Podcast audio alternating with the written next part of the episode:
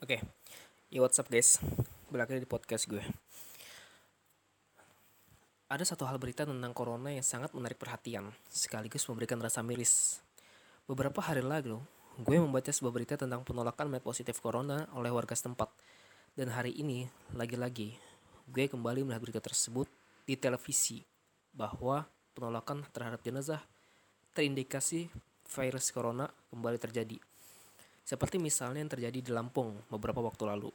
Tenaga medis yang bertugas untuk menguburkan jenazah positif corona tersebut mengalami penolakan di dua tempat berbeda.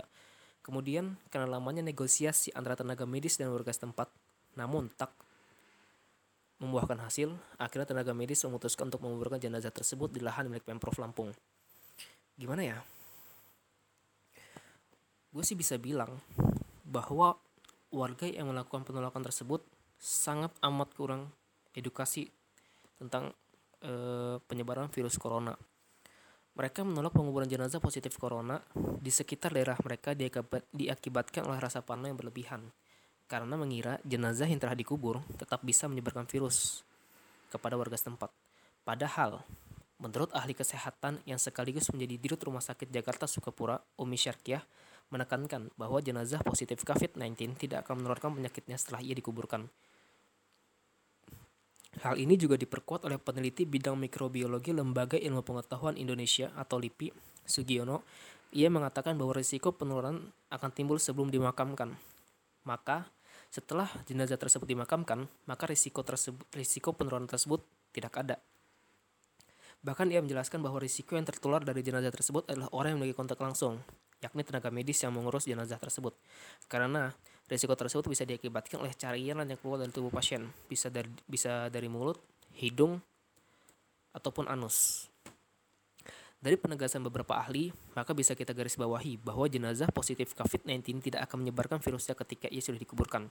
Sebaliknya, mereka yang memiliki riwayat kontak langsung dengan jenazah, maka lebih memiliki risiko untuk terjangkit virus. Maka dari itu, terdapat prosedur yang diberlakukan oleh para ahli kesehatan, bahwa bagi tenaga medis yang bertugas memakamkan jenazah positif corona atau tenaga medis yang mengurus jenazah tersebut hendaklah memakai alat pelindung diri yang lengkap serta menyemprotkan dis cairan disinfektan ke sekujur tubuh di, e, mereka atau ke sekujur tubuh jenazah dan juga menyemprotkan cairan disinfektan tersebut kepada semua barang yang digunakan untuk mengurus jenazah tersebut, tidak terkecuali ambulan dan peti jenazah tersebut serta jenazah yang telah dipakaikan kain kafan hendaknya dilapisi plastik agar mengurangi risiko penurunan kepada tenaga medis. Kemudian, Sugiono kembali menegaskan bahwa tidak ada bukti ilmiah yang membuktikan bahwa bahwa organisme tersebut dapat menularkan bagi warga sekitar setelah dimakamkan. Maka tidak ada alasan sebenarnya bagi warga sekitar untuk menolak penguburan jenazah. Sekarang coba deh bayangkan, andai posisi kita terbalik lo yang nolak adalah jenazah yang ditolak. Paham nggak? Lo yang nolak jenazah untuk dikuburkan di tempat lo, sekarang terbalik. Lo yang ditolak untuk dikuburkan di situ. Di mana rasa kemanusiaan yang kita miliki? Rasa kemanusiaan yang kalian miliki? Mana Mana orang-orang yang mengatakan bahwa kita merupakan saudara sebangsa?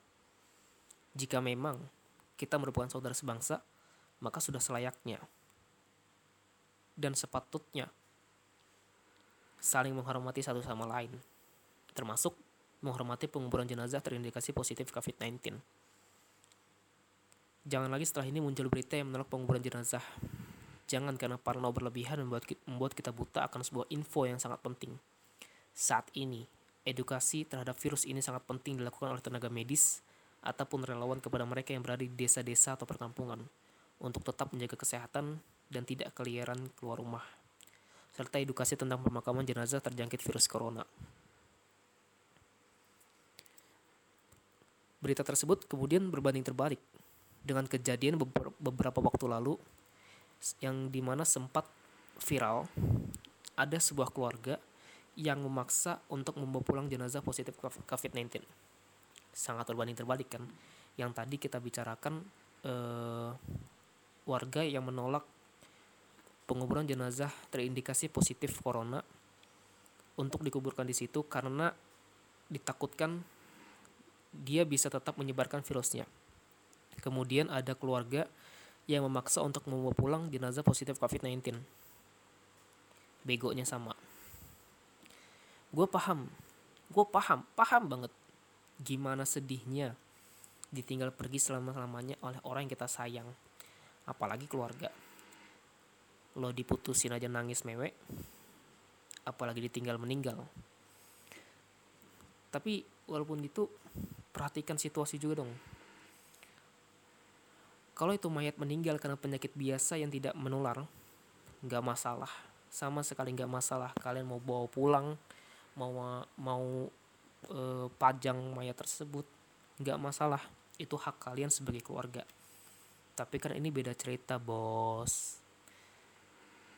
Justru kalian lah yang memaksa bawa pulang itulah yang sangat berisiko tertular virus COVID-19 itu dan terbukti. Setelah mereka membawa pulang, satu keluarga menjadi ODP, bahkan satu kampung. Hal-hal yang kayak gini coba dong dipikirkan baik-baik, jangan egois bro. Gua paham banget sih gimana sedihnya. Tapi please jangan dahulukan ego. Pikirkan juga mereka yang berjuang mati-matian untuk melawan virus tersebut. Kerja tak kenal lelah 24 jam demi menyelamatkan nyawa seseorang dan kalian dengan tidak berakhlak dengan tidak berakhlaknya bawa pulang paksa yang justru mau membawa mudarat bagi diri bagi diri kalian. Oke. Okay. Di podcast kali ini nggak terlalu panjang sih. Mungkin segitu aja yang bisa gue bahas karena gue sudah uh, dua kali nggak dua kali sih beberapa kali dua atau tiga kali gue nemuin berita di mana terjadi penolakan terhadap jenazah positif COVID-19. e, miris sih, jujur gue miris. Kasihan terhadap e, jenazahnya. Dia sudah meninggal pun masih disusahkan oleh e, manusia. Jangan gitulah. Kita kan sama-sama manusia. Sama-sama ingin diperlukan diperlakukan selayaknya manusia maka jika kita ingin diperlakukan selayaknya manusia, maka perlakukan orang lain juga selayaknya manusia. Sama halnya ketika kita ingin dihormati, maka hormatilah orang lain terlebih dahulu. Karena semua apa yang kita lakukan akan akan kembali kepada diri kita sendiri. Sekian aja podcast dari gua. Nggak panjang, tapi cukup. Gua rasa cukup poin-poinnya dan singkat, padat, dan jelas juga. Sampai ketemu di podcast selanjutnya. Bye.